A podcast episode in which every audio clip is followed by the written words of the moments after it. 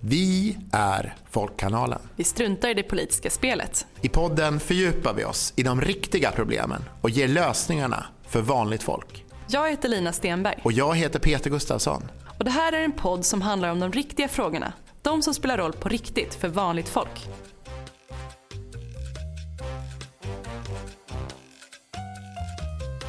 Hej och välkommen tillbaka till ett nytt avsnitt av Folkkanalen. Idag ska vi prata om den smutsiga städbranschen. Det är jag som är Lina. Det är jag som är Peter. Och idag ska vi prata om hur städbranschen blev en av de smutsigaste branscherna på svensk arbetsmarknad.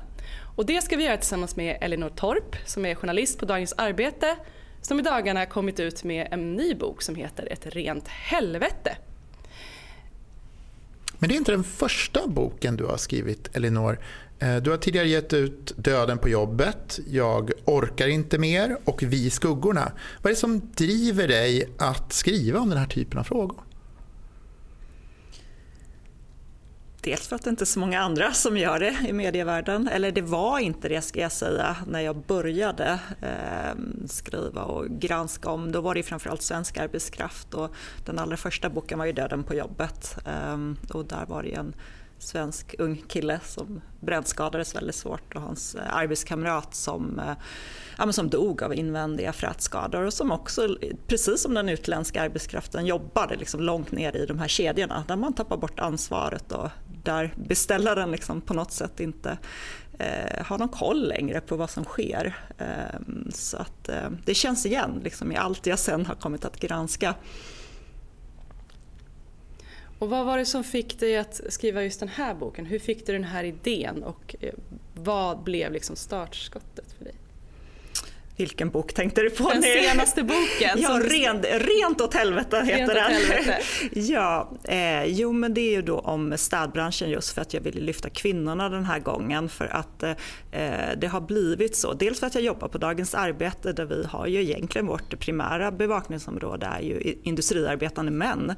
Eh, och men sen tar jag tjänstledigt då och då för att skriva böcker som eh, kan ja, utbilda sig egentligen var som helst i arbetslivet. Andra boken handlar ju om ett socialkontor och en, en eh, en man som en socialsekreterare som eh, tog sitt liv helt enkelt på grund av brister i den psykosociala arbetsmiljön. Men under hela tiden som jag har granskat det här så har jag liksom noterat att den här gruppen på i svenskt arbetsliv. Ehm, den utländska arbetskraften har liksom vuxit och vuxit och vuxit i vissa branscher. Det finns ju verkligen tydliga värstingbranscher och bygg är ju en sån och det har vi fått läsa mycket om nu och det tog jag upp i min förra bok. Men jag kände liksom att den här gången vill jag lyfta kvinnorna i stad för de kan många gånger bli ännu värre exploaterade. Och det är också så, så illa att eh, upphandlarna här, som ju ofta då är offentliga upphandlare, alltså stat, kommun och regioner, eh, som då handlar med våra skattemedel, eh, de direkt upphandlar arbetslivskriminella eh, städbolag. Så det finns inte heller de här långa kedjorna som det gör på byggsidan, vilket innebär att det borde ju gå att eh, på något sätt komma åt det här kan man tycka.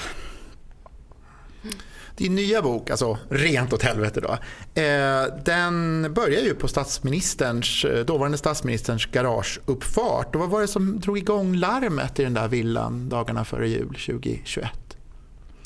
Ja, nej men eh, det här, statsministern och hennes maka hade anlitat det här bolaget i många år. Liksom. Och Eh, när jag pratar med eh, det facket som man en gång i tiden hade kollektivavtal med, den här städföretagaren, så, ja, eh, så sa de att han är en ökänd fifflare i branschen. Så att, eh, eh, för mig tog det några minuter att i en databas kolla upp liksom, vilka domar och så som det fanns på honom. Han var en fifflare, han är inte den värsta men han är en, likväl en fifflare. Och det, det är klart att jag blev lite förvånad att, eh, att han städade hos statsministern, att ingen runt omkring henne eller hon själv och hennes man som är högt utbildade ekonomer hade liksom koll på det. Det tycker jag säger någonting. Det är en väldigt tydlig signalvärde att inte ens en socialdemokratisk partiledare kollar upp det, tyckte jag.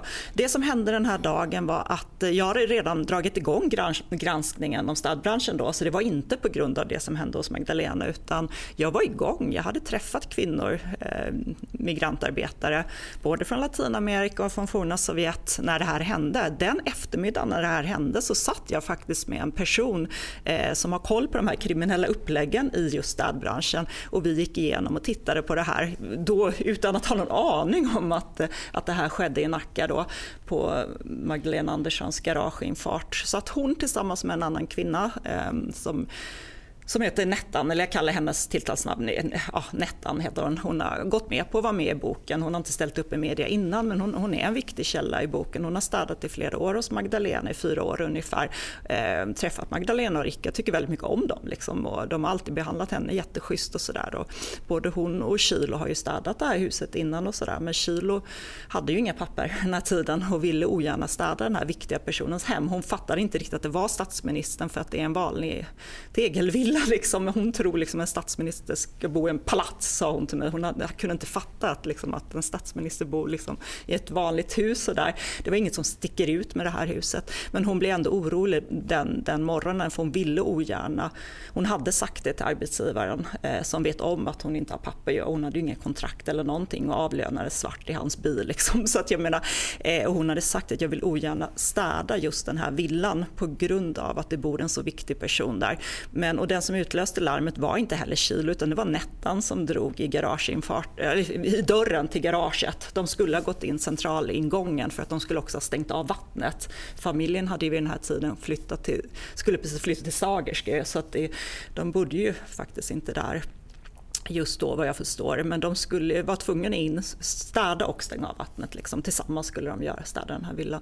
Så att det var Nettan som drog i garage och hon mm, grämer sig än idag för att hon gjorde det. Liksom, för det. För båda två så har det ju inneburit liksom, ja, men en stress. De har ju fått magsår bägge två och efteråt har de liksom, det har blivit en väldig stress. Liksom, det som hände. Eh, Nettan har efteråt träffat Magdalenas make som har bett om ursäkt och liksom sagt att vi var så nöjda med städningen och det är liksom inte inte, eh, vi är inte arga på er, det är inte ert fel där så där. Så att jag har varit ångerfull liksom. Men ja, det blev som det blev och ut i media så utmålades ju faktiskt Kilo som ehm, ja, en tänkbar terrorist. Någon som hade kunnat placera ut en bomb hos Magdalena det, ja, eh, på grund av Nicaraguas nära förbindelse med, med Ryssland. Medan den här tjejen vid den här tiden var 25 år och har från dag ett städat Sverige. Liksom. That's it. Eh, ingen terrorist.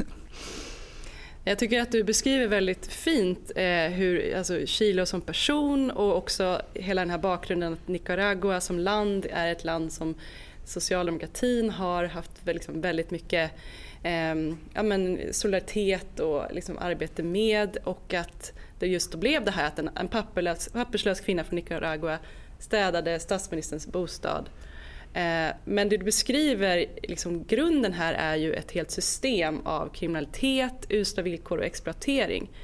Ehm, varför är branschens vars uppgift är att städa så smutsig? Ja, nej, men jag tror att det är, det är så här att eh, det är ju lägre trösklar till vissa yrken att komma in. Städ är ju ett ingångsyrke, liksom, kanske, eh, men det krävs ju egentligen, det är en profession som verkligen krävs eh, egentligen utbildning, rätt liksom, både skyddsutrustning, rätt städmedel som inte gör en sjuk... Alltså det finns ju väldigt mycket som också i städbranschen som är eh, viktigt att ha koll på. Liksom. Men jag tror att det har blivit så mer och mer faktiskt att, eh, eh, att det är någonting som bara sker lite sådär eh, Eh, också när inte vi, vi andra eller vad ska säga, är på plats. Alltså ofta städar ju de här, de här som jag har mött, de städar i våra skolor när eleverna och lärarna har gått hem. Eh, de städar eh, kanske våra hem när vi inte är hemma. De städar vårt samhälle när, när inte vi är där på något sätt. Så det, det, är någonting som bara, det bara ska vara rent utan att man tänker att det är faktiskt en yrkesgrupp som faktiskt utför det här jobbet. Och de är ju många också som utför det här jobbet. Men det är som att de har blivit väldigt mycket mer osynliga än vad de var för eh, ja, ett par decennier sedan. Liksom. Så att, eh, det kanske delvis det.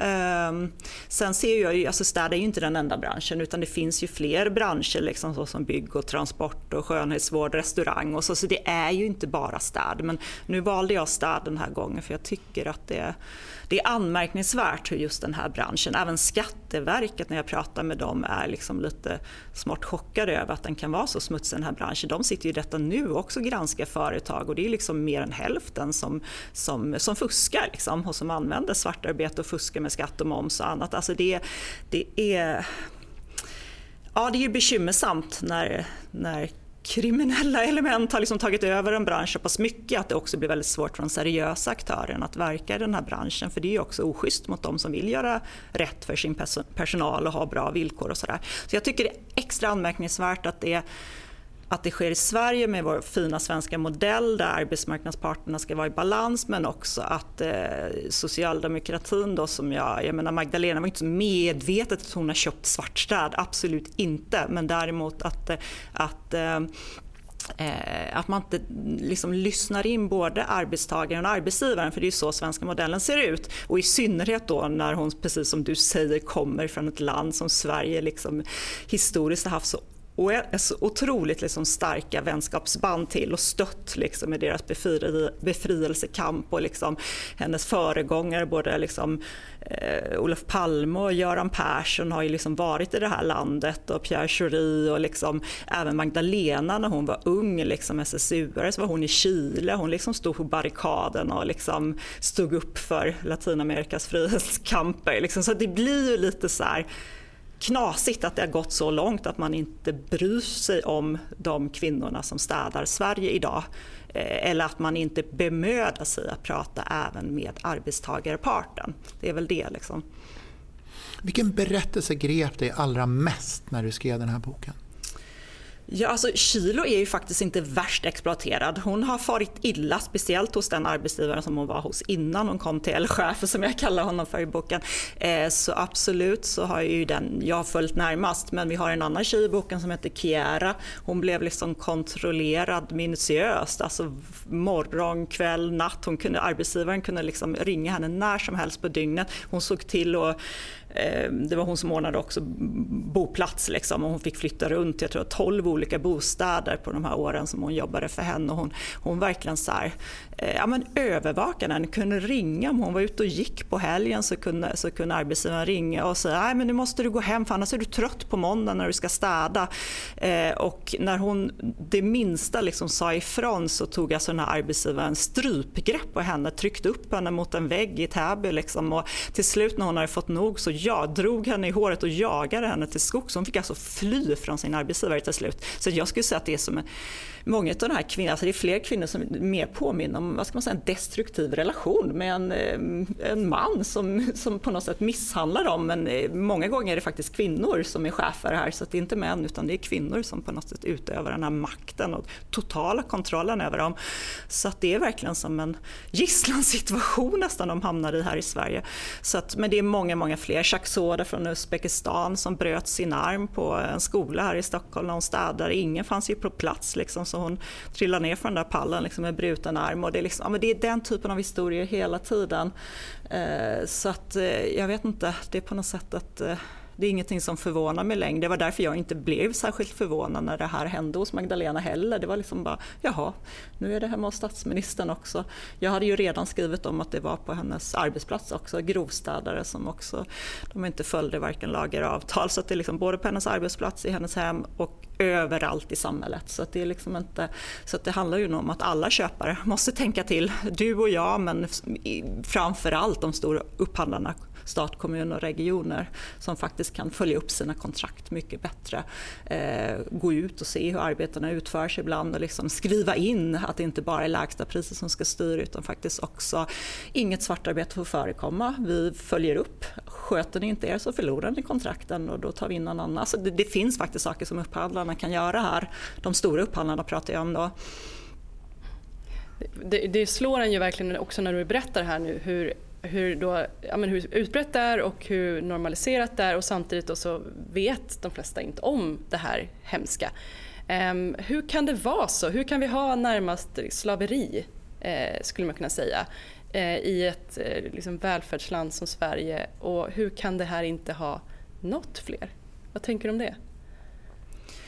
Jag har ju skrivit om den en bok innan och varit ute och föreläst mycket om den och sådär. Men sen så kom pandemin och sen är det mycket annat i världen liksom och sådär som har överskuggat. Så det är på något sätt, och sen har vi ju gängskjutningen också som har gjort. Och, men jag menar ju att det här också finns, är organiserat. Liksom. Det är det ju på sätt och vis så. så att, och det kostar ju oss skattebetalare så ofantligt många miljarder varje år. Liksom, så att de pengarna kan ju vi använda mycket bättre. Förutom då att det är ju ett hemskt för de här människorna som får betala priset för att det är på det här sättet. Så, men jag tror hela skälet till det är att vi har haft en nedmontering över tid. I min förra bok så listade jag vissa politiska beslut från olika politiska färger liksom, där man har det här och det här. Man liksom, från början liksom, man tog bort Arbetslivsinstitutet, eh, man halverade Arbetsmiljöverkets tillsynsverksamhet, man, liksom, eh, man slopade revisionsplikt, man skulle vara mycket lättare att ha F-skattsedel. Alltså det är mycket sånt där, man har liksom tappat kontrollen över arbetsgivarparten. Eh, helt så man kan komma undan vilket innebär, och det lär sig, det här är ju smarta typer, de lär sig att man kan liksom eh, ha en, en viss andel vit och resten svart och det går hur bra som helst. Man kan också använda sitt företag som brottsverktyg, man kan tvätta pengar, liksom smutsiga pengar där så de blir rena för att man kommer undan med det i svenskt arbetsliv för att det finns ingen kontroll längre. Eh, och, det, det, och vi har inte heller i Sverige så som eh, i våra nordiska grannländer har man jobbat mycket med, jag vet jag åkte ju till Norge Norge i samband med min förra bok och råkade hamna som gästarbetare för där satt ju liksom myndigheterna lucka för lucka. Liksom. Man får en, en nummerlapp om man vill jobba som gästarbetare i Norge så får man liksom gå igenom alla dessa luckor där varje myndighet, Försäkringskassan, Arbetsförmedlingen, Arbetsmiljöverket, polisen, skatte, alla sitter där i Skatteverket i Norge, liksom mitt i Oslo. Eh, och sen så skulle jag egentligen in till Akrim då inne på Skatteverket och redan då så har man pratat om social dumpning i Norge, man hade arbets livskriminalitet som begrepp. Det är väldigt viktigt att ha begrepp. Eh, annars kan man inte eh, på e, e, effektivt liksom jobba mot någonting eller samverka på något sätt myndigheterna emellan. Liksom. Så att nu är det i sin linda i Sverige. Eh, det håller på att byggas upp och vi får väl hoppas att det ja, att de löser det där med sekretessen och sånt där som gör att skatten, Arbetsmiljöverket, polisen och så vidare kan jobba nu mot det här och störa ut de här kriminella arbetslivskriminella bolagen tidigare. Det här är ju en bransch som vi lägger, precis som du nyss var inne på, ganska många miljarder varje år på att subventionera med skattemedel, med rutavdrag. Och argumentet när man införde rutavdraget var att man skulle göra svarta jobb vita och du ger ju en helt annan beskrivning i den här boken. Vad, hur kommer det sig att det inte blev som det var utlovat? Ja, det är säkert till viss del då precis när det skedde liksom det att det kan ha liksom tvättat rent till viss del, alltså rutavdrag. Det är möjligt att det, att det, att, eh, att det blev så. Eh, men det är också så att det öppnat upp för aktörer, många fler aktörer som har sett att det går att eh, lura staten liksom på ett ganska enkelt sätt. Bara man skickar in och visar upp att, att en, del, en del av ens företag är vitt. Liksom. Så att det har både kanske tvättat rent en del men det har framförallt öppnat upp väldigt mycket också för oseriösa aktörer aktörer.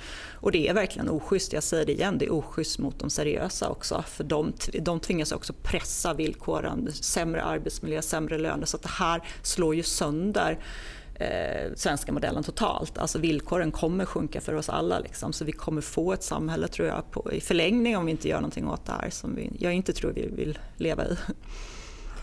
Parallellt med den här berättelsen om de här papperslösa och, och kvinnorna från andra länder så beskriver du också Samhall och eh, hur deras verksamhet också har blivit smutsigare. Eh, vill du berätta lite kort om det? Varför vill du lyfta det och, och eh, hur illa är det?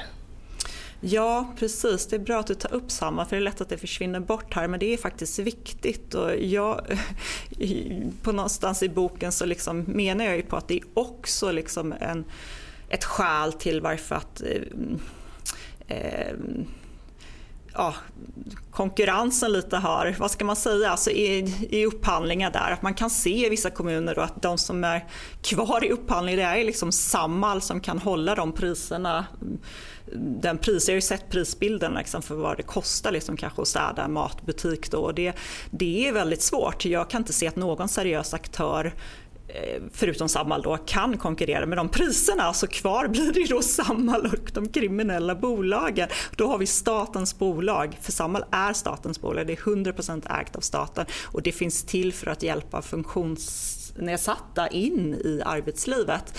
Eh, och tyvärr så hamnar de många gånger utanför idag för att det är många som inte klarar av de här väldigt tuffa städtjänsterna för det innebär inte att de ska städa på ett, två, tre ställen utan de kastas ofta i kring och ska städa liksom här och var och överallt liksom i samhället och det där det är, det är inte många faktiskt som eh, ja, de slits ut liksom och den som jag tar upp i, i boken och som faktiskt du frågade mig förut vad som berörde mig mest men Joylin i boken då Laban har han hetat fram till ett år innan han dog så bytte han namn till Joylin.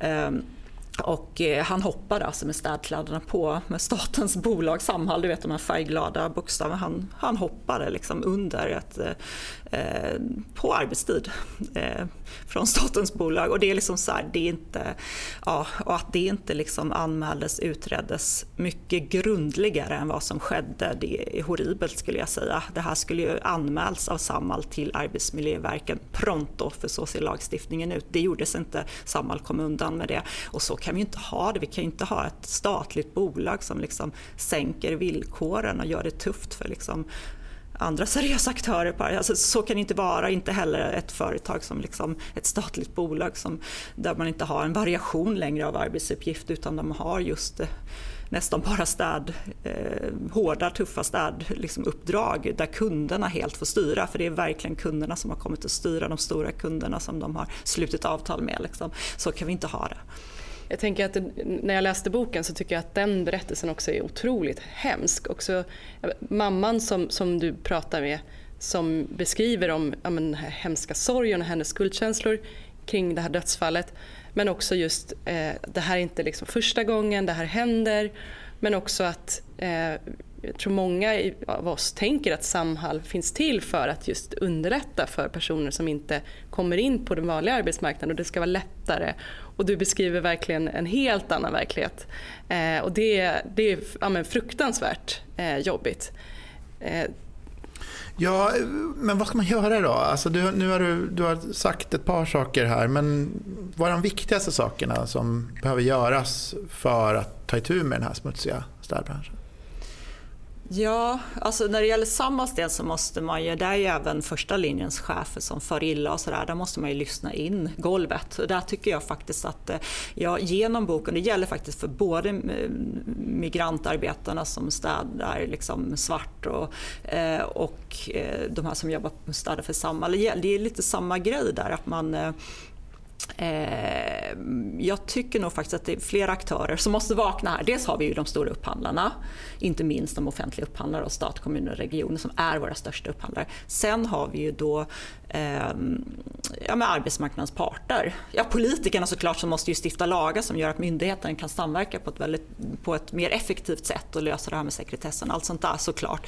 Eh, men också då eh, arbetsmarknadens parter och där måste jag faktiskt också eh, Ja, jag tycker lite, det, de beskriver både människor som jobbar på Samhall och migrantarbetarna är, och det finns ju faktiskt de också som har papper som jag skriver om i boken och som är med i fackförbund, som är med i LOs fackförbund eh, och de beskriver ett, ett svek från facket faktiskt. Eh, att facket har liksom också fjärmat sig från golvet eh, ifrån människorna som jobbar på golvet. Att man liksom inte backar upp sina kanske lokala skyddsombud och sådär lika mycket längre. Att det kommer, alltså facken har liksom, ombudsmännen idag har väldigt bra koll på ekonomi, arbetsrätt, allting som rör avtalsrörelsen. Men den här kunskapen om det förebyggande arbetsmiljölagstiftningen och de bitarna, liksom det här som gör oss sjuka eller gör att vi i värsta fall dör på jobbet. Alla de bitarna eh, som hänger ihop med arbetsvillkoren och hur, hur det är. De bitarna har facket, alltså då säger jag LO fack fackförbunden, de har tappat bort det faktiskt. De lever för fjärmade från, från eh, den verklighet som de som städar Sverige idag lever. Alltså där, och det är inte bara i städbranschen, det är bygg och, och så vidare också. Så att eh, där tycker jag nog att fackförbunden med LO-spetsen måste faktiskt i praktik, inte bara i teorin då, eh, för där är man ju tydlig med att det inte är okej och sådär, men i praktiken så måste man liksom ner, ner mer och lyssna in rösterna på golvet. Det är det viktigaste.